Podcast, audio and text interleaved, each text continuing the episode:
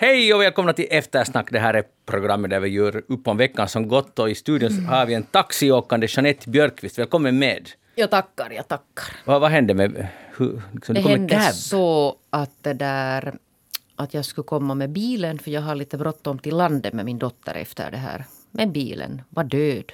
Mhm. Dead. Stärvad så att säga. Diesel. Nå diesel, diesel, men jag tror inte att det nu har någon relevans. Visst jag det där, på något sätt när jag satt där och var lite sådär, mm, inte kanske på så gott humör, Mm. sen när det här allt pågick där, så kom jag underfund med att, att jag håller dig alltså personligt ansvarig för det här. För att Ja. du är på något sätt vintern personifierad. Ja. Så det där, jag är lite arg på dig just nu. Det där, jag tar det där som smicker och beröm. Tack.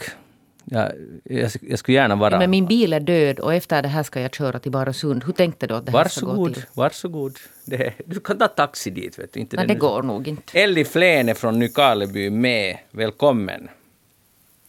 Tack Magnus. Sitter Tack. du- Och vad synd att din bil är sönder Nette, vad hemskt. Ja, tack, tack Elli. Lite sympatier här. Ja, det är så här Ja, kvinnosolidaritet. verkligen. Men men Nå, Elli, Elli, Kvinnosolidaritet, bilburna människors sol, sol, solidaritet skulle jag vilja påstå. Och kan du tänka dig Elli att just första gången på 15 år så skulle Magnus ha behövt skjutsa mig idag. Jag sa att tyvärr, Ja. bilen är död. och vet ni varför jag behöver Oj, skjuts? vitsi vad synd. Och för att nu göra det här ännu mer bisarrt, jag behöver skjuts för att jag ska fara efter min bil som har varit på reparation. Och de stänger fem. Det är det som det blir lite Mm. Taxi. Nej, jag, tänker, jag, jag fixar det. Jag vill nu alltså Magnus påtala att jag ju alltså, min pappa var ju taxichaufför så jag är ju på taxiförarnas sida. Ja, eller taxi är en fint färdmedel. Mm. Men, men det där... Elli, hur är, jag måste få veta, hur är snö och ved, vädret i Nykarleby? Vädret är strålande, solen skiner, det är minus 11 grader kallt och, och det är riktigt sån där gnistrande krispigt vinterväder när det är som bäst. I morse var det minus 21, lite för kallt för, för raska utomhusaktiviteter, men nu är det idealiskt. Så kan vi stöka över det här eftersnackandet nu snabbt så jag får få skida. Ja, absolut. Det, det där håller jag med om. Samma, jag har samma kvällsprogram coming up. Och det för oss in på... Ja, jag heter förresten Magnus Lundén, om inte... Jag kanske glömde att säga det programmet Eftersnack. Det där... Uh, skidåkning, längdåkning. För att det är ju nu en otrolig boom. Och jag har en teori om att snön har räddat oss från det här corona, värsta coronahelvetet. Alltså på grund av det här, att det finns så mycket snö och det är en riktig vinter, förutom att Jeanettes bil inte startar, men utöver det så har det spritt glädje och gett möjlig, möjligheter till människor att röra på sig utomhus. Skriver ni under det här? Alltså av det här snart ett år långa corona-helvetet tror jag du kallar det, så Mm. har ju den här snön inte varit hemskt långvarig. Nej, nej, men det, det här är mörk tid, alltså sådär hur mycket ljus det finns, och det har, det har fått folk på gott humör. Magnus, jag håller med dig. Jag är Blev han så ställd? Ja, Elli, håller du också med? Ja, jag, har, ja, jag, håller nog, jag håller nog med dig, för, för om, man, om man tänker med skräck på att om den här vintern skulle ha varit som det där gyttjeskiten vi hade i fjol, Ja, precis. så då skulle, det, då skulle det här ha varit ont värre. Jag menar, jag börjar personligen vara jättetrött på det här corona än- ändå, men, men eh, det här vädret ger ju lite tröst. Och nu, nu kommer ju mera ljus. Man märker ju dag för dag att dagarna blir längre. Det är ljust på, blir ljust på morgonen och är länge ljust på eftermiddagen. Så vi går ju definitivt mot bättre tider nu igen och, och, och riktigt så här härligt som det ska vara på en vinter i Norden alltså. Och, och det är svårt att föreställa sig, eh, om man är ute i spår är det massa glada människor som skidar i alla, ur alla generationer och så vidare, att det finns något problem. Att det är, någon, att det är till exempel corona på gång. Alltså för att det är så uh, härligt att se all, så här mycket folk och naturen ser jättefräsch ut. Att, att det är, man, man glömmer. Och du glömmer bra. också För vad kan man annars göra? Nej, och skidning är alltså säkert helt trevligt, det sysslar inte jag med. Men alltså pulkabacken också, måste jag säga. Nu är det jättemycket lättare att ha barn och särskilt när alltså de här hobbyerna har varit stängda. Ja. Så lite roligare för dem att gå ut när man till exempel kan åka pulka. Och det där, en lyssnare via Twitter påpekar en sak som just nu känns avlägsen, men det också gör att det där... Mm, för de som inte kanske trivs så mycket i vintern, så det finns också någonting efter vintern. Hon hon eh, citerar här, eller det är en Twitter-konto som är tillägnad Lawrence Durrell, som är eh, brittisk författare född i början av 1900-talet, alltså död numera. Då, i alla fall. Och han har sagt så här att om du, om du dricker Retsina kommer du att leva för evigt och aldrig vara en prövning för dina vänner och servitörer. Och då tänker jag på vårt midsommarprogram, för nu är det ännu ganska länge dit, men det finns någonting att kämpa för, Jeanette. Ja. Den där Retsina-skålen. No, till och med den känns ganska bra just nu. Ja, alltså inte, Jag ändrar mig sen när vi närmar oss den här. jag skulle hemskt gärna dricka nog Retsina redan ikväll. Mm, men gör det då. Ja, det kan vara att det blir ja, först skidtur och sen Retsina. Ja. Eller är du med på det här? Skål! Nå, absolut. Alltså, vänta nu, det, det är så länge sedan det har varit min tur att vara med i midsommarsnacket, så nu kommer jag inte ihåg. Vad var det för krydda i det? Det är den där äckliga, för äckliga den här alltså, gif, gifte. Skål! då. Kåda, ja. Nåja, men vi går vidare. Ja. Hej, läkaren som räddar Navalnys liv. Uh, den här i Omsk, den här killen som de facto säkert räddade hans liv, uh, skötte om honom och har väldigt mycket information om vad som egentligen hände. Så han dog. Han dog här idag, eller vad det är igår. Helt plötsligt och oväntat. Det är säkert en slump, va, Jeanette? Att så, sånt händer 50-åringar. Det händer visserligen, men Ja, precis just den här tidpunkten. ja, och den där typen, just den där killen. Nå, det där, mm, om man nu tittar lite så där bakåt så tror jag ju inte så mycket på slumpen i det här fallet. Nej, jag- har också väldigt svårt att tro på det. Och det, och det värsta är ju att i ett land som Ryssland så kommer det här nu att inte att utredas hemskt mycket. Det kommer bara att han dog nu och ibland får 50-åringar hjärtinfarkt, vilket säkert stämmer, men, men att det där... För tänk vilken guld... Alltså han skulle ju veta allt. Han skulle kunna ställa upp sig rätt och säga att den här killen var förgiftad i Ryssland och med, an- sannolikt med det här, och det här motgiftet som vi använde räddade hans liv. Han skulle kunna vittna någonstans. Istället är han död. Eller har du följt med det här fallet? Mm, ja, så mycket som det nu är på medierna. Men jag visste inte, ja, det hade jag inte hunnit få med mig att den här hade dött nu. Och det låter ju, precis som du säger, helt osannolikt att det... Vilket sammanträffande! Hur ser ni annars på, på Navalny? För att han har ju nu gått ut i en ö, ö, helt liksom öppen maktkamp mot Putin. Och, och det där, han kommer tillbaka efter att ha varit så gott som död helt enkelt. Så är han tillbaka och vet att han hamnar i fängelse. Det är ett otroligt hasardspel. Ja. Du, jag, jag undrar alltså, jag vet inte alltså, vad- vad kan han sen egentligen ha vetat? Mm. Det där att hur det kommer att gå. Tror du att han inte visste? Jag vet inte alltså. No, men okej, men nu, nu är han i alla fall Han kan ju inte alltså uteslutit förstås alltså det scenario. Men sen kan man ju tänka sig att han kanske skulle också ha trott att på grund av alltså all den uppmärksamhet att de inte skulle ha, Våga. ha gjort det här på det här sättet. Ja, för de svarar ju just sådär som ens mörkaste tankar om, om Ryssland, att, att så här gör de. Att de sätter honom helt enkelt i fängelse. Vad, fick han? Två eller tre års eh, dom? Ja, Hur borde omvärlden reagera, Elli? Ja, jag tycker nog att man får säga sin åsikt oberoende av om man nu råkar vara statsminister i Finland eller, eller vanlig privatperson. Det var någon analytiker eller journalist, eller, jag kommer inte ihåg tyvärr vem det var som sa det, men jag tyckte det var, kanske det var Kerstin Kronvall som brukar ha kloka ta- tankar om Ryssland, som sa att, att det här var en rättegång där man liksom, domen var klar, nu gällde det bara att hitta och, och, och liksom, vad heter det nu då? åtalet åtalet som, som passade, till, som, som ledde till den domen som man redan hade bestämt sig för. Och, och det, det tyckte jag var på något sätt talande för det här. Nej, vi ska nog säga ifrån. Sen, jag menar, man kan känna sig frustrerad då att hjälpa det någonting, att man nu tweetar och har sig och säger. Men jo, åtminstone ska vi inte vara tysta. Nej, det, det, det kan vi kanske inte vara. Och, och det är spännande att hur ska det gå? Man ser på vit eh, Belarus, så det har fortfarande, tänk vilka massiva protester, vilken enorm press mot Lukasjenko. Han, där sitter han kvar. Att det går faktiskt att sitta kvar, även om man har folket emot sig. Och, och nu vet, jag vet inte eh, hur stor del av folket Lukasjenko har, har emot sig, men säkert de allra flesta unga i alla fall. Och Ryssland är en helt annan femma. Och det där, på, på tal om det så Anna-Lena Laurens kommentar i Husis, en kolumn där om och de här tjänstemännen just i den här domstolsbehandlingen, eh, rättsbehandlingen, de här som bara sitter där och mumlar och ska försöka förklara varför han borde ha anmält sig eh, närvarande, även om han, han samtidigt låg i koma i Tyskland. Försöka liksom motivera det ur någon sorts juridisk synvinkel. Att de bara betalar, talar bara helt enkelt strunt.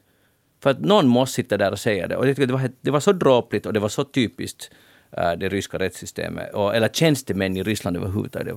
Väldigt bra skrivet. Men jag skulle säga det där när du sa om omvärldens reaktioner, så nu har ju alltså omvärlden reagerat alltså ganska kraftigt. Till och med alltså vår mycket försiktiga president Sauli Niinistö har ju i sådär, ur hans synvinkel sett ganska hårda ordalag mm. fördömt det här och alltså ifrågasatt det här helt sådär med juristens äh, argumentation. Men det hjälper ju inte så mycket utan sen är frågan att hur mycket provocerar man mera med? Och det är klart att man ändå måste säga. Mm, ja. Men, jag tänker igen på honom och sen hans eh, fru vars namn jag inte nu kommer ihåg men som kanske blir nu en sån frontfigur. Att de skiljs däråt och de vet att de kanske inte ses på många år. Att han är liksom på ett sätt dumdristig och samtidigt jättemodig. Ja, frågan att han verkligen satsar på det här. Ja, och om han där jag menar, hur, hur ska det gå för honom? Alltså ja. när du säger att, att de ses inte på många år så jag hoppas att de åtminstone sen ses. Mm. om många år. Men det är ju det att, att de kan ju inte förgifta honom där i finkan. De kan inte heller liksom bryta ner honom totalt, för då, är det ju, då vet alla att det var där i fängelset det hände. De kan inte hitta på någon lögn. No, klart, man kan alltid köra oj, oj, självmords, självmordskort. Jag kan alltså alltid. verkligen hitta på vet du, alla möjliga saker man kan göra inne i ett ryst fängelse och komma undan med det. Okay. Och sätta alltså skulden ja, på något helt andra. Ja. Sen är det det att hur länge kommer vi ihåg det?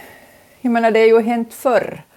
Och, och sen protesterar vi och vi tycker det är oerhört och, och, och så går det några år och så, ja, så får det. Så, så det är ju det, att hur, hur man liksom skulle kunna se till att de kom ihåg det här. Men nu får man beundra, jag håller med att man får beundra hans mod. Mm. Och sådana här människor som, också de som, som vanliga ryssar som nu mot alla odds går ut och protesterar. För, för det har ju liksom visat sig nu att, att, att till och med familjer till sådana som har varit, varit och protesterat har blivit då eh, om nu inte angripna, men, men, men liksom antastade av myndigheterna. Och, och, så nu får, de, de, de betalar ju ett högt pris. Och, och när man börjar tänka att okej, okay, skulle jag våga? Om, om jag tänker att det är mina ungar som får stryk i skolan och, och, och kanske mina släktingar som, som råkar illa ut och, och hamnar ut för fysiskt, fysiskt våld, men, men eh, eh, skulle jag ändå våga stå upp för mina åsikter? Det är ju sån, vi har ju lyxen att inte behöva ställa oss själva de här frågorna.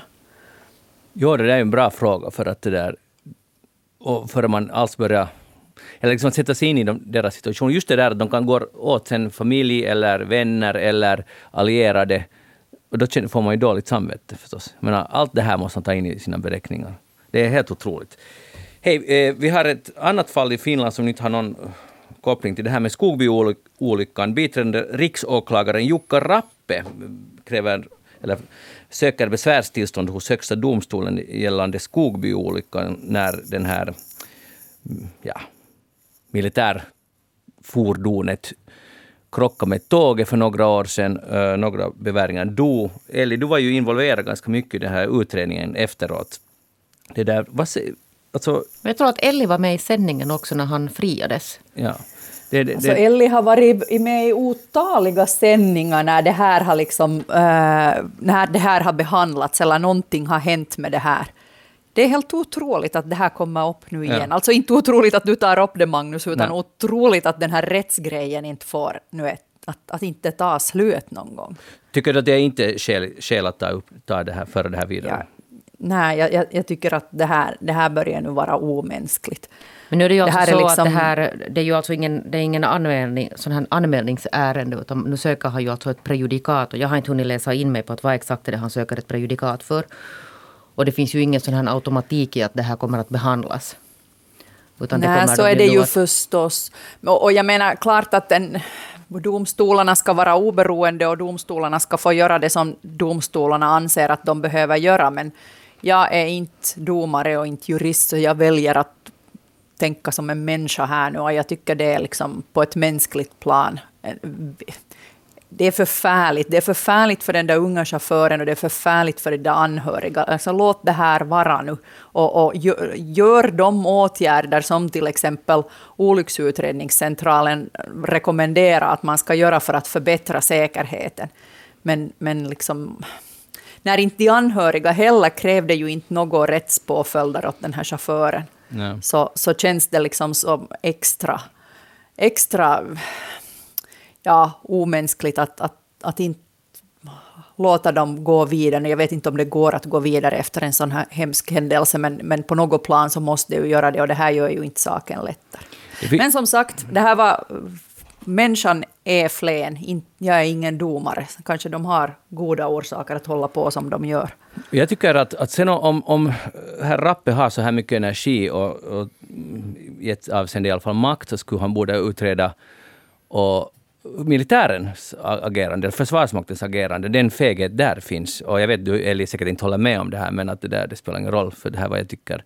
Att, att hur fungerar ett hierarkiskt system? Hur finns det plötsligt ingen som tar ansvar för en sån här sak? Varför hoppa, om det är uselt väder man ska korsa en järnväg, varför, varför bestämmer ingen att det måste finnas någon som dirigerar trafiken och kollar att allt är säkert? Och det, det, det finns det ingen officiell utredning, alltså med konsekvenser, förutom att det finns rekommendationer för framtiden som ni gjorde. Men det finns ingen så juridisk prövning kring det, utan den där ena chauffören, om man ser på det ena fotot som finns när de har rekonstruerat olyckan, där var och en kan förstå att det är en omöjlig vinkel att se det där tåget från eh, där var man kör. Det, det går inte. Ellie? Nej, det, det gick inte. Alltså, nu gjorde ju Försvarsmakten sina utredningar och, och, och, så här. Och jag menar, rent juridiskt så är det en chaufför som är ansvarig för att framföra ett fordon. Mm. Och, det, och det är så, men, men, men här finns ju så mycket annat som nu spelar in som, som jag gör att jag tycker att det här, det här borde nu en gång för alla bara låta vara det där juridiska nu, tycker jag. Exakt, vi går vidare. Jeanette Björkqvist, det har varit tal om att uppskjuta kommunalval på grund av coronaepidemin. Var står du i den här frågan? Nej, nej, alltså jag vill ju haka... Alltså jag förstår, jag förstår varför man tänker så, men, men jag, jag älskar ju val. Mm. Och jag har väntat ganska mycket på det, ja. Ja, på det här valet det. också. Ja. ja. Men jag förstår ju alltså väldigt, väldigt bra alla praktiska problem, alltså till exempel för kandidaterna som ska göra, föra sina kampanjer och sånt. Men jag måste säga att jag förstår inte Alltså, eller jag förstår inte att, att, att äh, tjänstemän på justitieministeriet, för, eller uppenbarligen har de till, har det Jo men Magnus. Men låt mig bara... Nej, jag vill bara säga, jag, jag vill komplettera vad jag sa just. Okay. För att jag älskar till exempel det här valsvärmeriet, alltså att man kan springa före, före alltså valet så kan man springa på stan och vet du, träffa kandidater och sånt. Och allt det är borta av, av både dem och mig och många andra. Det är sant och det är ledsamt. Ja. Men det är ganska mycket som är ledsamt nu. Och det skulle vara ännu ledsammare om man skippar demokratin lite, uppskjuter den lite. Vi gjorde, det, vi gjorde det i Finland när det var krig, men det var nog eh, val 1945 när det var fortfarande Lapplandskriget pågick till exempel. Så då kunde man nog fixa ett val. Så nu kan vi fixa det här valet nu. Det, det är sant att det blir lite knepigt för kandidaterna. Man kan inte gå på många tillställningar och så vidare. Men nu måste nu hållas ett val. USA, som har mycket värre läge än vi, genomförde ett presidentval och senatorval inga, senatval och inga problem. Eller nu var det säkert något problem, ganska mycket också för den delen. Men, men att de genomförde. Så man kan inte tycka att man kan bolla med så här allvarliga saker, att vi ska uppskjuta ett val. Ellie? Ja, jag håller med. Det, det, är nog ett nederlag för demokratin, tycker jag, om man måste, hamnar att, eller ett nederlag för ett land, om man hamnar att skjuta upp ett val. Uh, och speciellt i ett land där det finns så mycket möjligheter att ordna saker uh, och, och, och, fixa, och vi, vi är liksom glest befolkat som det är, uh, så, så tycker man att det borde finnas alla, alla möjligheter. Jag tänker på Alltså länder där jag har jobbat, Kosovo och Afghanistan, där de har genomfört val under de mest horribla förhållanden och fraktat valsedlar och val utrustning med åsnor ut någonstans på vischan. Och, och, och liksom, jag har stått själv beväpnad vid vallokaler och, och, och vaktat så att folk inte ska ha livet av varandra när de kommer och röstar. Och jag menar, där problemen är som helt av annan dimension än vad vi kan föreställa oss här. Och nu säger jag inte, det är klart att corona ska tas på allvar och det, det är en allvarlig kris. Men det som jag retar upp mig på, och som jag har, har lite rört och fört i offentligheten om också, är, är det att det irriterar mig att, att man, för, man diskuterar att ska vi skjuta upp valet, istället för att diskutera att okej, okay, vad behövs nu i detta läge för att vi ska kunna genomföra valet på ett tryggt sätt? så att det är tryggt för väljarna, så att det är tryggt för alla de som är involverade, som ska sitta som, som eh, på valnämnder och, och, och, och tjänstemän som ska sköta det. Att energin borde ju nu sättas snabbt som attan på, på att fundera på att okej, okay, vilka åtgärder vidtar vi för att mm. det ska gå att genomföra? Och sen, jag är säker på att någon sitter ju och funderar på det här, men, men eh, det, där, där jag tror att man har missat är nu att kommunicera om det och berätta. Nu, nu borde vi liksom få, få höra de där människorna som sitter och funderar så, så, så liksom röken stiger ur öronen på hur vi ska göra det här, så att debatten istället kunde handla om det. Och vi kunde fundera och komma med lite idéer om hur vi kunde fixa eh, vallokalerna och så, istället för att genast gå på det där att det borde skjutas upp. Och det, där är jätte, det där håller jag faktiskt med om. Vi är, att vi är ganska bra i Finland på att organisera, organisera saker och lösa problem. Och det, det som det nu behövs är problemlösning. Till exempel att vi kan inte låta det lamslås av det att, att hur ska de som är i karantän få rösta, utan istället hittas det på en lösning som du säger Elli. Vi fixar Precis. det så att de som är i karantän går genom någon vindtunnel och så röstar de med några handskar på. Alltså hitta på det, det här går ju att fixa. Alltså, ja, eller vi har ju ett system för hemmaröstning som man tillämpar åt de som är så dåliga Mm. Till exempel äldre personer som är så dåliga så de inte kan, man kan inte förvänta sig att de ska kunna röra sig till en vallokal. Men så har vi ju alltid, har ju det är ju alltid så. Ja, precis. Och jag sitter själv som ordförande på en, li, en litet röstningsområde och är valnämndsordförande. Och, och, och, jag tänker ju också som på den här valnämndens säkerhet, att jag vill ju inte ha an, ta ansvar över det. Att jag har flera i min valnämnd som, som är 70-plussare och, och tillhör till riskgruppen. Så, så här ska nog snabbt fram några anvisningar nu, för att jag vill inte ta ansvaret då som ordförande för att jag har satt valnämndsmedlemmar i fara. Jag förstår, jag förstår det där och det måste ju lösas så att det är tryggt för alla och att det finns folk som jobbar där. Men vi har ju, vårt samhälle är fortfarande öppet. Man kan fortfarande gå till butiken och det finns ett plexiglas framför. Och så kan man hitta på ännu bättre i den här vallokalen. Det här går att fixas. Och det, jag tycker bara att det, man ska vara väldigt försiktig med att börja tala om att uppskjuta val. Det var nu bara mm. det som, som jag tänkte på. Hej, Husis har ny chefredaktör, eller kommer att få en ny chefredaktör. Eller har. Nej, inte har hon nu börjat ännu. Hon är ju utsedd. No, hon är utsedd, ja. Ja, det där... Erja Ylajärvi. Ja, det grämer mig nu alltså efteråt att jag inte förstår att det ska vara hon. För att jag har ju alltså ägnat nu ganska mycket av, min, av mitt liv till att sitta och spekulera kring, kring vem det ska bli. Har du varit lite besatt av det här? Det kan man säga. Det kan man lugnt säga. Och, det där. och sen hade jag där på slutrakan äh, hittade jag alltså någon skulle kunna säga att det gick verkligt hårt för mig där den där samma dag. Jag hade fått information om att det kommer att komma alltså 13.05 ut på nätet.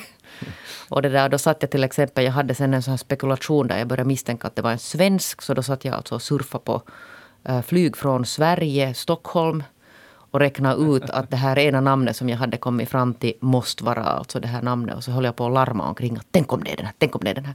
Och det var inte alls, jag hade Och vem var det du tänkte Nej, jag inte säga det högt. Det där här, jag kan säga det åt dig sen efter sändningen. Okay, okay. Men det där, jag blev jätteglatt överraskad. Och, och det, det för, alltså jag förstår inte hur jag inte själv hade listat ut att det här skulle vara ett bra namn. Ja. varför är det ett bra namn? Därför för att hon är en jättemeriterad, kompetent alltså journalist och journalistisk ledare. Uh, och sen följde jag ju med på de här sociala medierna där många var jätteglada och överraskade och, och önskade henne lycka till.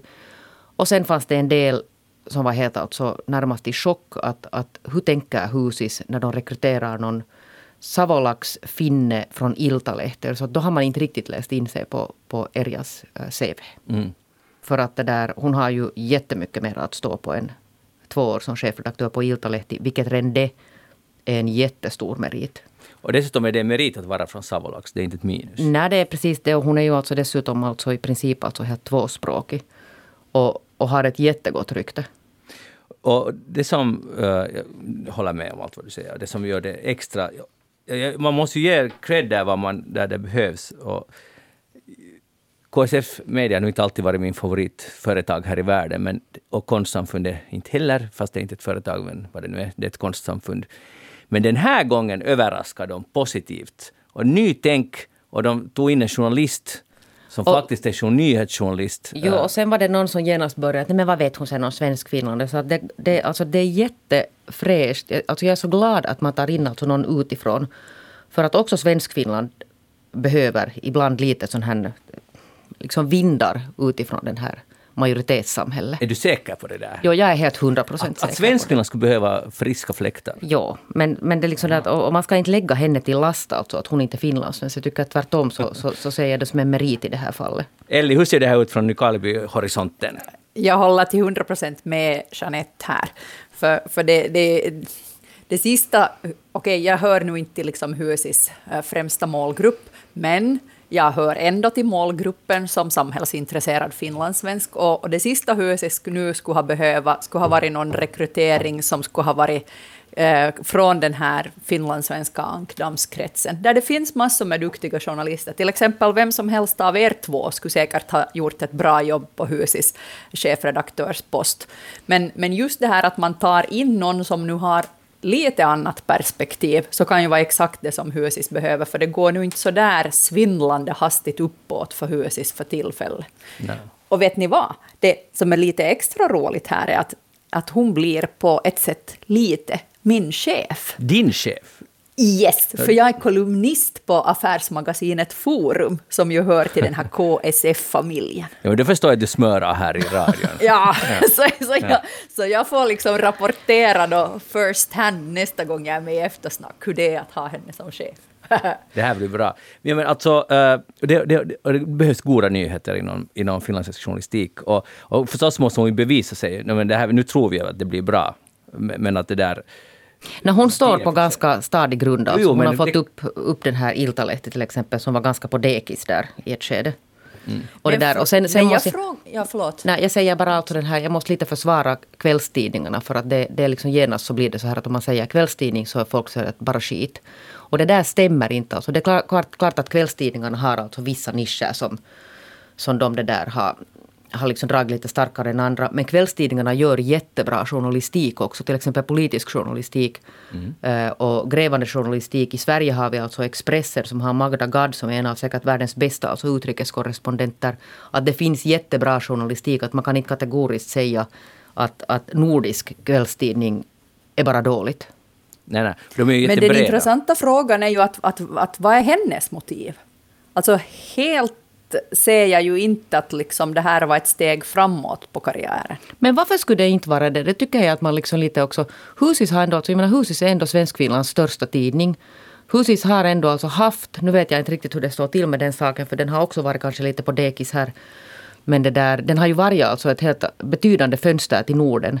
Och det här är en sån här klyscha som man liksom har upprepat. Men faktum är att, att, att vill Norden ta del av, av det som händer i Finland så är det nog i regel svenska YLE eller Husis på grund av språket.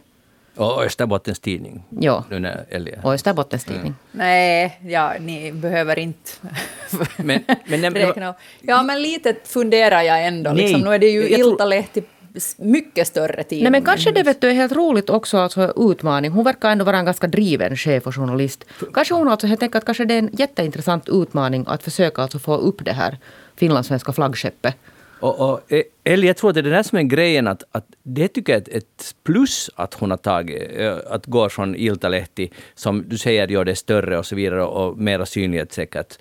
Uh, eh, att komma till det här, för det visar att man är ganska taggad och vill ta en bizarr utmaning ur ett savolaxiskt perspektiv. Säkert inte har hon kanske tänkt sig att hon ändå är Husis chefredaktör när hon växte upp i Kuopio. Och det här är just berättar mycket om en människa utan att jag vet någonting om henne. Men jag, jag sätter det som ett enormt plus i marginalen att, att man tar en sån här utmaning. Det är ganska modigt och det båda gott. Sen får vi se hur det går. Jag menar, vi, vi, vi kan ju inte se in i framtiden, men det skulle vara coolt att ha henne i eftersnack någon gång. Det får vi se. Ja! Det blir ja. ditt uppdrag, Magnus. Jag, må, jag måste fixa det. Ja. Nåja, eh, vi kan snacka om savolaxen hela programmet. Så, så, kan jag smöra på det sättet. Det blir perfekt. Hej, Jeanette Björkis, vad har du tänkt på den här veckan? Men vet du, jag har tänkt alltså på en sak, så nu kan det hända att jag har läst lite dåligt de här tidningarna eftersom jag har varit så besatt av chefredaktörsval och sånt här. Men jag har alltså missat en sån här nyhet från EU-parlamentet om att man ska alltså nu, man har initierat ett nytt direktiv som ska börja arbetas fram i EU. som handlar om alltså att arbetstagarna ska ha rätt att stänga sin arbetstelefon och sin e-post på fritiden. Alltså det vill säga att man ska få helt enkelt att stänga, stänga sina kanaler till jobbet. Och det här ska alltså det, tydligen nu alltså en sån här helt EU-direktivsnivå. Jo, jag har hört om det här. Och det, är det inte, uh, I Frankrike har de något liknande. Det är väl därifrån initiativet kommer. Men det kan hända att det är så med det där. Alltså de har röstat om det här där i slutet av januari och 472 meppar röstade för, 126 mot och 83 tomt. Så det var ju en sån här två tredjedelars majoritet som, som stödde det här. Så att, att jätteintressant mm. att det här är alltså en EU-parlamentsfråga. Men det, där, det här är alltså på gång och jag tycker att det här, jag menar, de motiverar det här med att, att, det där, att den här risken för att arbetstagare som hela tiden anser sig vara nödgade att vara uppkopplade riskerar alltså att få depression, ångest och utbrändhet. För att det är då tydligen så att ganska många, vänta här fanns till och med någon siffra, 27 procent alltså jobbar jätteofta hemifrån och på något sätt är liksom available. Och det ska man då inte vara nu. Det kommer att komma ett EU-direktiv som säger att man behöver inte alltså men, men, kan man forcera det här? Kan man faktiskt liksom säga... Nej men det är ju det. på EU-nivå. Att ringa på polisen sen när det... Alltså, hur, hur funkar det? Man? Jag vet inte hur det här ska fungera. Jag vet verkligen alltså inte hur det här ska fungera när man ska implementera det här i de här nationella staternas alltså lagstiftning. För att det måste ju vara en Kanske viss skillnad mellan till exempel den här ganska fackföreningsdrivna Finland och säg då något Ungern till exempel det kan vara viss skillnad, ja. Det kan det faktiskt vara. Det där Ellie, hur, hur är det när du är...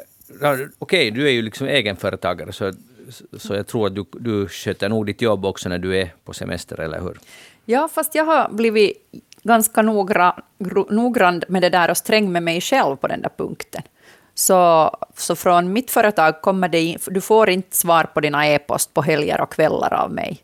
Och, och, jag menar, jag har ju på telefonen hela tiden och det, det, ibland dyker det ju upp något krisuppdrag som, som måste hanteras då, då när det händer. Men, men i princip så försöker jag nog undvika att, att, att jobba, liksom att jag slutar. Och, och, och, det där är ju många nu som säger att när de har jobbat så mycket på distans så har det flutit ihop äh, jobb och, och hem ännu mera. Men där måste jag ju säga att jag som är van då att jobba hemifrån så jag tycker att jag har lärt mig det där. Att, att man kan, kan liksom stänga Eh, stänga av. Och man måste göra det, för annars blir det inte till någonting. Det, det blir just, och det, det, är inte någon bra kvalitet på det man gör så där med andra handen sen när man står och kokar köttsoppa åt barnen på samma gång som man försöker svara på något mejl, så det, det, blir inte bra kvalitet. Men det som är en intressant aspekt med det här är att, att eh, när jag har jobbat ganska mycket med myndighetskommunikation Eh, så åtminstone finns det många myndigheter i Finland där man på kommunikationssidan så är det ofta kommunikationschefen har ingen arbetstid och är liksom available när som helst. Men det har visat sig i en som annan större och mindre kris att sen när det händer någonting och man snabbt skulle behöva liksom få ut information så får inte de tag på folk. Just därför att det finns ingen liksom de har inte skyldighet, tjänstemän, att, att, ha på, att, att svara i telefon eller vara på jobb längre än vad de måste. Och, och, och, då har det, att många, liksom, många myndigheters kommunikationsavdelning bygger på sån här auf liebe zur Kunst. Och, och, människor har av egen god vilja kommit på jobb helger och kvällar när det har hänt någonting. Mm. Så här, ser, det här är en liten nisch förstås, men, men det ska bli intressant att se om det nu blir på direktivnivå, att då kan man ju inte ha såna här såna här viritelmän där man räknar med att folk nog kommer om det blir tillräckligt paha. Och det visar sig nog i den här coronakrisen också att det var lite så. Men det där måste ju vara på något sätt så här att, att om man sitter, liksom om, om man har någon så ansvarsfull position så måste det finnas inbyggt något sånt här system att man då till exempel har sån här varallaolo tror jag det heter på finska, vad det nu sen heter på svenska. Titta nu blir jag just sån här Ja, men man, man skulle tro det, ja. Ja, man skulle tro det, ja, men förvånansvärt få har det. Men Jeanette, om du skulle ha en firma, du har 20 anställda, de är på semester och någonting måste fixas. Och sen säger, viftar de med EU-lagkortet och säger att ni tänker vi svara, vi svarar inte på det. Så skulle du bli lite frustrerad då? Det skulle jag säkert bli, men alltså den här formulerar den här nyheten som så att man ska kunna göra det här utan att få reprimander. Och underförstått så förstår man att någonstans har det varit så att när du inte har svarat ja. och varit tillgänglig, alltså klockan 11 på fredag kväll, så har det blivit några reprimander. Ja. Men, men alltså det är ju, alltså på ett sätt är det ju en helt självklar fråga. Man är inte på jobb så är man inte på jobb, punkt slut. Men sen i verkligheten, dagens arbetsliv är inte så där, punkt slut. Och det är ganska flytande och ibland måste saker göras. Men det är klart att, att grund, grunden måste ju vara så här som de har formulerat. Man, man ska inte måste om inte man vill. vill. Men tänk alltså, alltså jag är på något sätt liksom jättefascinerad av att det här är en sak som, som Ja, det ska göras ett EU-direktiv på. Ja, det är helt intressant. Och det här är dessutom formulerat före den här coronaepidemin när massa människor flyttar hem och börjar jobba. Och då kan man ju bara tänka att det här har eskalerat, det här problemet att man inte kan skilja på, på fritid Alltså och- nu har vi en hel eh, hundratals miljoner människor som är helt utmattade av Zoom-möten. De, de, det, det, det gänget tycker jag är lite synd om. Det där. Men eh, det får vi ta en annan gång. Ellie Flen, vad har du tänkt på den här veckan? Nå, jag har väl till följd av just en sån här enorm... Nu har den tagit mig den där Zoom-tröttheten. Okej. Ja, ja, eh, Hesari hade en, en, en nyhet den här veckan om att nu börjar folk bli trötta. Och jag tror att ni pratade om det i eftersnack för några veckor sedan också. Att, att nu, nu börjar folk på riktigt få lejdon. Och, och, och jag märker själv att nu, nu, nu börjar måttet vara rågat. Som sagt, jag är van att jobba hemifrån, men jag, jag skulle ändå behöva komma mig ut och, och, och träffa folk. Och nu, nu har jag fått en sån här känsla att nu... jag, jag skulle bara vilja packa ihop och, och sticka. Vart? Alltså bara no, vart som helst. Alltså inte sticka Och- och- strumpor utan sticka ut. Nej, nej, försvinna. Alltså bara dra. Alltså ryggsäck på rygg, ryggen och, och gå iväg. Och, och jag märker att eh, jag är mycket fascinerad av människor som, som har gjort det. Jag har nyligen läst en bok, en, en, en bok som jag tyckte jättemycket om, av, av, eh, av en amerikansk författare som hade gått någon sån här vandringsled längs den amerikanska eh, östkust, västkusten. Förlåt. Och, och, och då började jag ju genast tänka att oj, dit skulle jag vilja fara. Och nu har min favorit på Twitter för tillfället så är Ari Huosela. Vet ni vem Ari Huosela är? Jo, jag tror att jag... Eh. Ja, ja, ja, jag vet. Ha, En, eh, en finner-pilot som just nu håller på och seglar världen runt. alltså han har så här uppdateringar hela tiden. På, ja, ja, jag, jag Ja. vet. Ja. Men berätta. Och jag är alltså avundsjuk. Jag skulle vilja sticka iväg i en segelbåt helt ensam, bara skita i det här coronan och bara försvinna. Så nu har jag tänkt att tänk om man skulle, tänk om man skulle, tänk om man skulle fast gå runt Finland. Och, och i min stora tristess och sjunkande arbetsmotivation så måste jag till och med räkna ut att hur långt det skulle vara. Och jag kom fram till att det skulle vara 3865 kilometer. Om man skulle gå längs kusten och sen längs alla gränserna. Och, och jag började tänka att om man skulle, starta, det skulle jag skulle kanske klara det på, på ungefär 200 dagar. Och då skulle jag kunna till och med ta det lugnt och, och, och ta någon vilodag emellan. Och, och jag börjar liksom få fast mig själv med att jag tänker att liksom, var, hur skulle jag, ska jag ta ett tält? Ja, det skulle jag säkert göra. Och, jag, förstår det helt. Ja. För vi, jag tror att för några år sedan talade vi om, eh, jag, jag var helt allvarlig då jag berättade att, att, att man skulle nästan hinna på en säsong gå från Helsingfors till Baikalsjön. Det där i Sibirien. Och, och jag var helt, jag menade att jag någon dag ska göra det. Och, och jag vet inte om det var samma orsak som du vill försvinna, men, men att det där så jag förstår det här att gå längs kusten, längs, det borde du göra och alla människor borde göra det. Det skulle vara en upplevelse för livet. Men här krävs lite analys, Ellie, och det är det att varför vill du nu fly från allt? Vad, tror du faktiskt att det går att fly? Liksom, vad, är, vad är det du flyr egentligen? Suck. Ja. Den här tristessen alltså. När man inte får träffa något folk och, och inte får man träffa sina vänner utan alla dagar ser precis likadana ut. Så då ska man lika gärna skita i allt och bara försvinna till sjöss. Men jag tror du har, har en, en lite liknande fascination av de här konstiga typerna som bara drar iväg. Har eftersnack följt någon som Absolut. seglar på någon flotte? Och, Och en tunna. Ja, ja, jag diggar Ja, de här precis. typerna. De är som freaks. Alltså alla sådana här, de är galna men på ett mycket bra sätt. Men, Ja. men, att- men att- så du håller nu på att bli en, en av dem, Ellie. Det, där, det finns ju nog många som har gått genom Finland. Och ungefär varje sommar är det någon i Apo eller någon i de här tidningarna som gick från jag Hangö skulle till Utsjoki. absolut inte rapportera ett någonting åt någon. Jag tycker, är knappt- Eli, att vi, vi tänker så här att det där, nu ska vi titta när du nästa gång ska vara med och du börjar med en sån här försikt att du promenerar därifrån Österbotten, Monäs till Helsingfors, Böle. Ja. Aj, det är en försiktig start. Jo, om du gör det så lovar jag att här är röda mattan eh, som jag personligen tänker liksom dammsuga och fixa i skick när, när du kommer. Om du går från Monäs hit för att vara med i eftersnack och, och du får hyllning forever i eftersnack och av mig. Och du får vara med och dricka Retsina i midsommarprogrammet. Okej?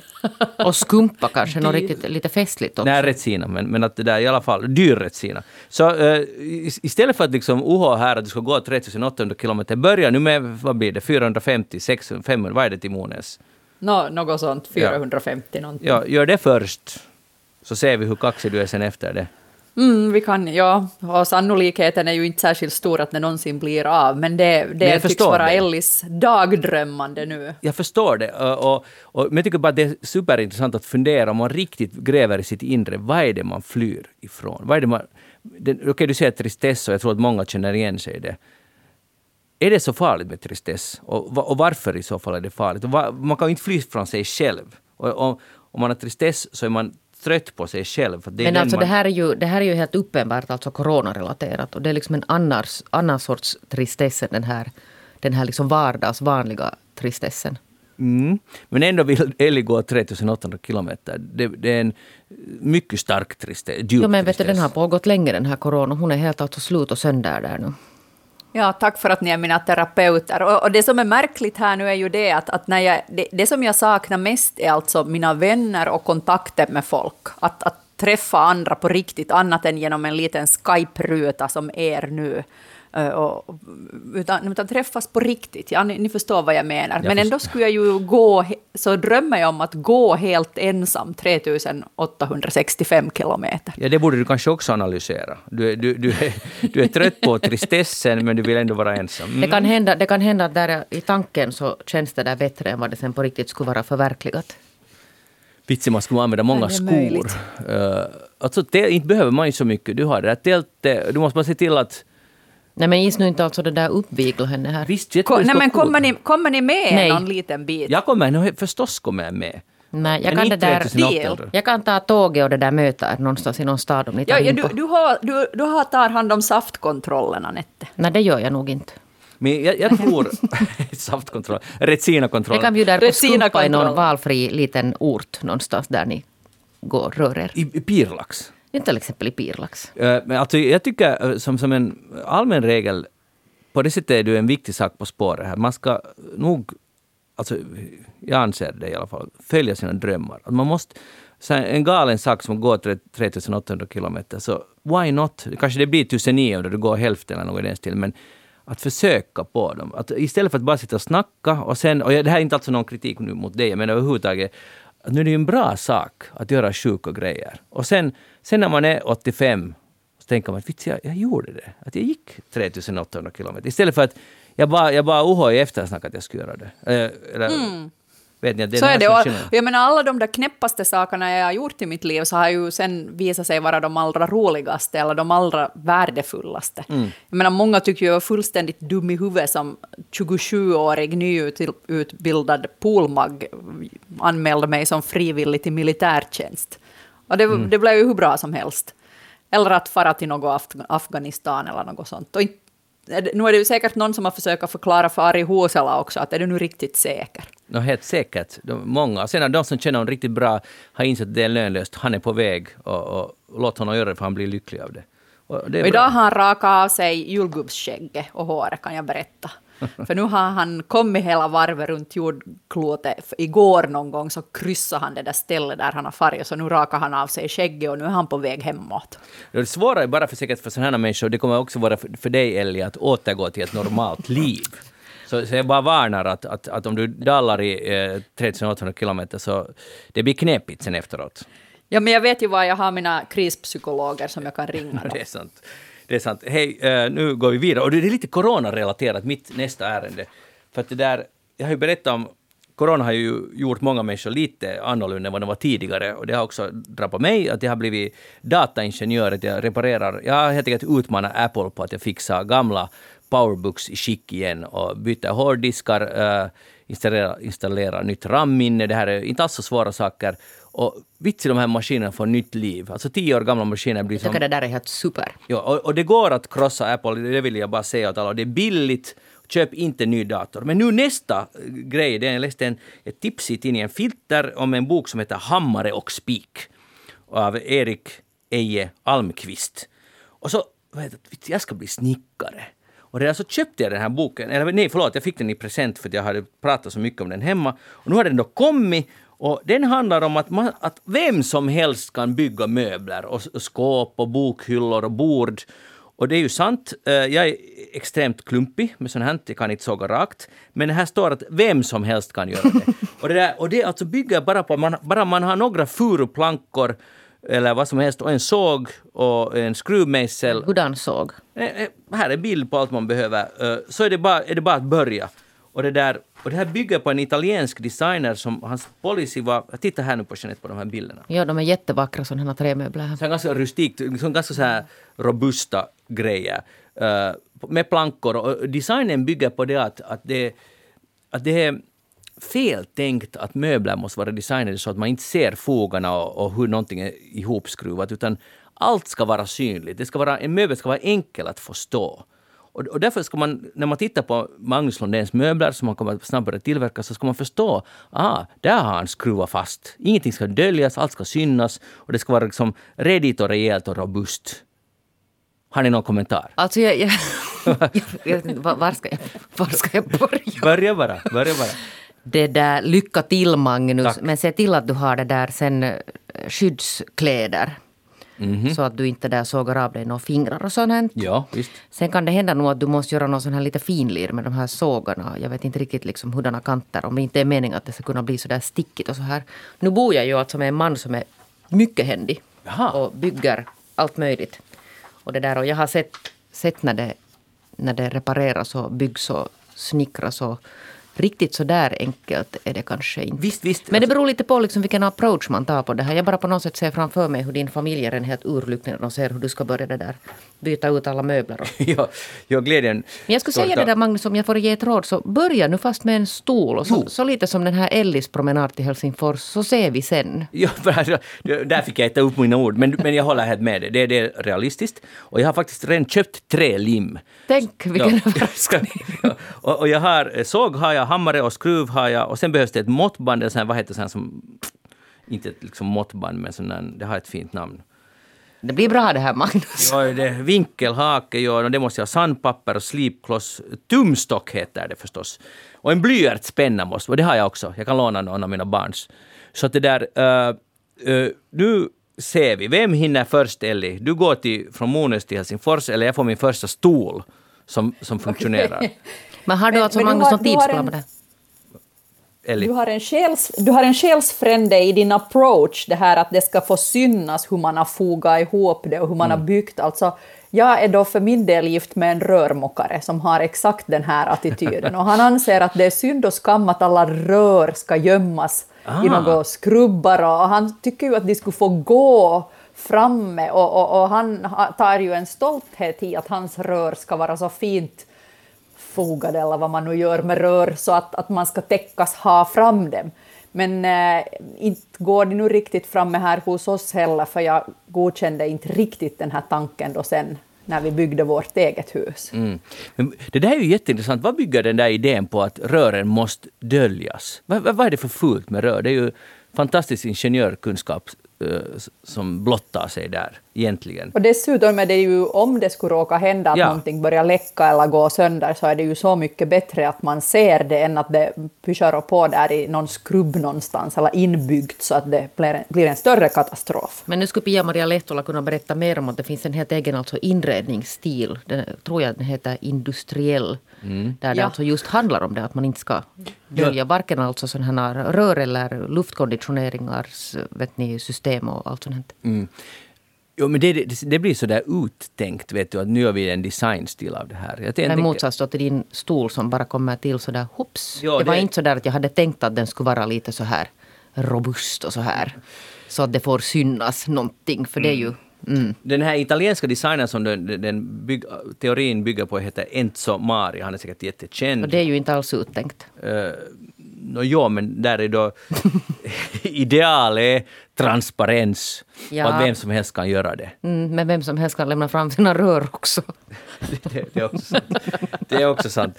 Det där, eh, men eh, tävlingen eh, är igång. Mones Helsingfors Jag eller ville, en Magnus, stol. fråga, jag ville fråga, att hade du alltså det där, när, är din, när är det tänkt att din första design Londén-stol ska vara klar? Till midsommar. Jag ska sitta Det på den på midsommarafton. Det är lång tid alltså, bättre kan du. Men jag tänker inte lova mer än det. För det, det är bäst att inte lova. Lim är köpt, det, det, det är som är huvudsaken.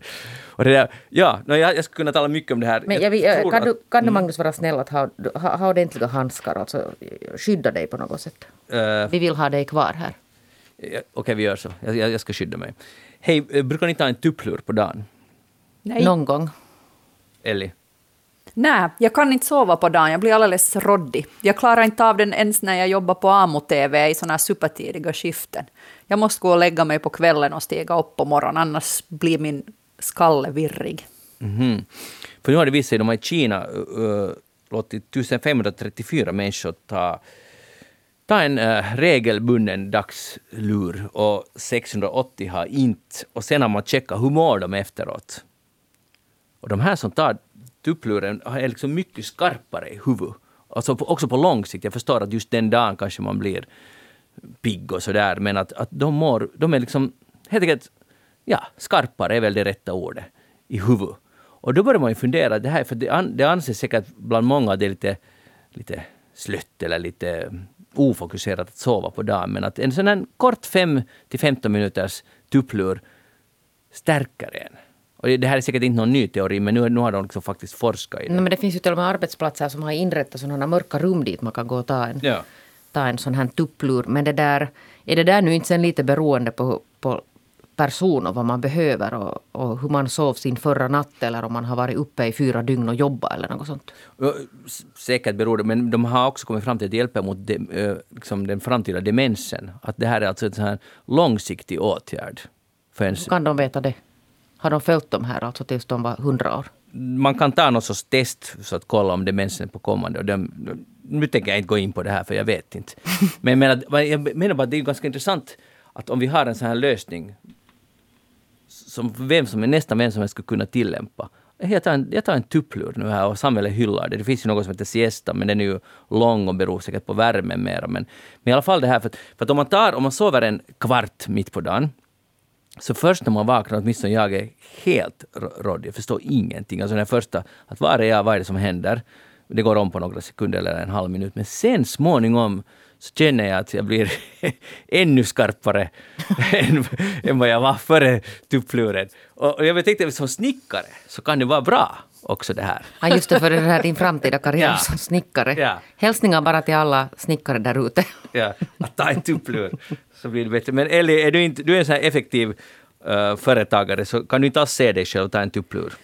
Nej, alltså jag, jag, jag tror dig och jag skulle gärna göra det, men, men det har bara aldrig funkat för mig. Och jag, jag har provat alla sätt att jag just ska se till att jag inte sover mer än fem minuter och så här, men jag, jag mår alltså dåligt efter det. Jag, det passar inte mig, så jag måste som hitta andra sätt. För mig funkar det mycket bättre att gå ut och sticka huvudet i snödrivan eller gå och springa en länk eller skida istället mitt på arbetsdagen.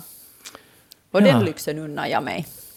Ja, jag, ja, jag förstår. Ja, du måste komma ihåg att alla lösningar fungerar inte på alla. Det finns inte någon sån här universella som, som är tillämpbara på alla personligheter. Nej, Men om det, funkar på snickare så, så go for it. Och det är just Magnus. uttryckligen faktiskt snickare det fungerar särskilt Ja. bra. Det vet Magnus. För Ja, för han de- har en såg. För nu när jag läser noden så står det faktiskt att de, av de här 2214 människor, så de var i Kina, så de var alla kinesiska snick, snickare. Och de hade, ägde alla en såg. Ja, och, och, och trälim är köpt.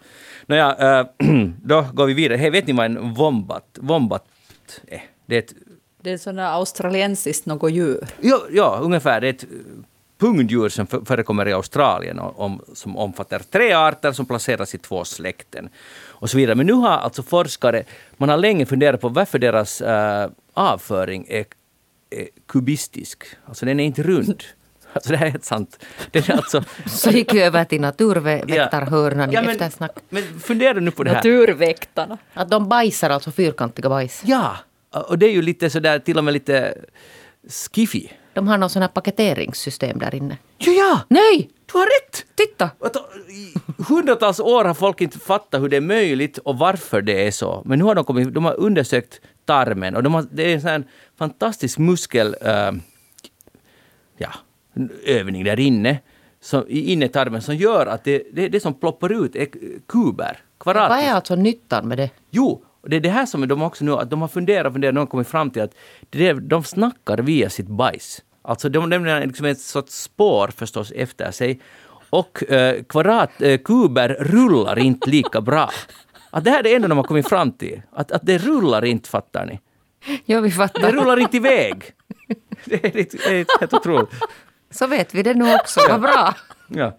Allt möjligt lär man sig här i eftersnack. Ja, det hade ni inte räknat med. Men, Hur man kunnat leva så här länge utan att veta det här? ja. ja men, Jag tänkte, jag tänkte alltså heter det min spontana reflektion var att det låter ju inte jätte sådär mm, smidigt att man bajsar fyrkanter. ja. Eller det är inte, du måste säga kub, för det är tredimensionellt. Ja, kub, okej. men, men, i alla fall. Men, men jag tycker nog att nu är det visar på naturens under att det går att konstruera en tarm som, alltså som sådana helt regelrätta Rubiks minikuber kommer ut. Nu är det, paketerar, så Ja. att säga. som du sa. Mm. Och, och, och du skulle nog ha en framtid där som forskare, för du tycks ha ganska bra koll på det här. Ja, alltså jag måste säga att jag det där känner verkligen att i de här, en del, kanske inte den här, men i en del av forskningen som du brukar hänvisa till Mm. så skulle jag nog kunna göra den helt på egen hand i min Pirlax Science Academy. Ja, det skulle du kunna. Men den här var nu helt alltså kanske lite mer seriös. Hej, det är Runebergsdagen uh, idag och Ja. imorgon är det Samhällets nationaldag. Den, den är om möjligt viktigare, vilket den är helt säkert. Eller den är det, tycker jag.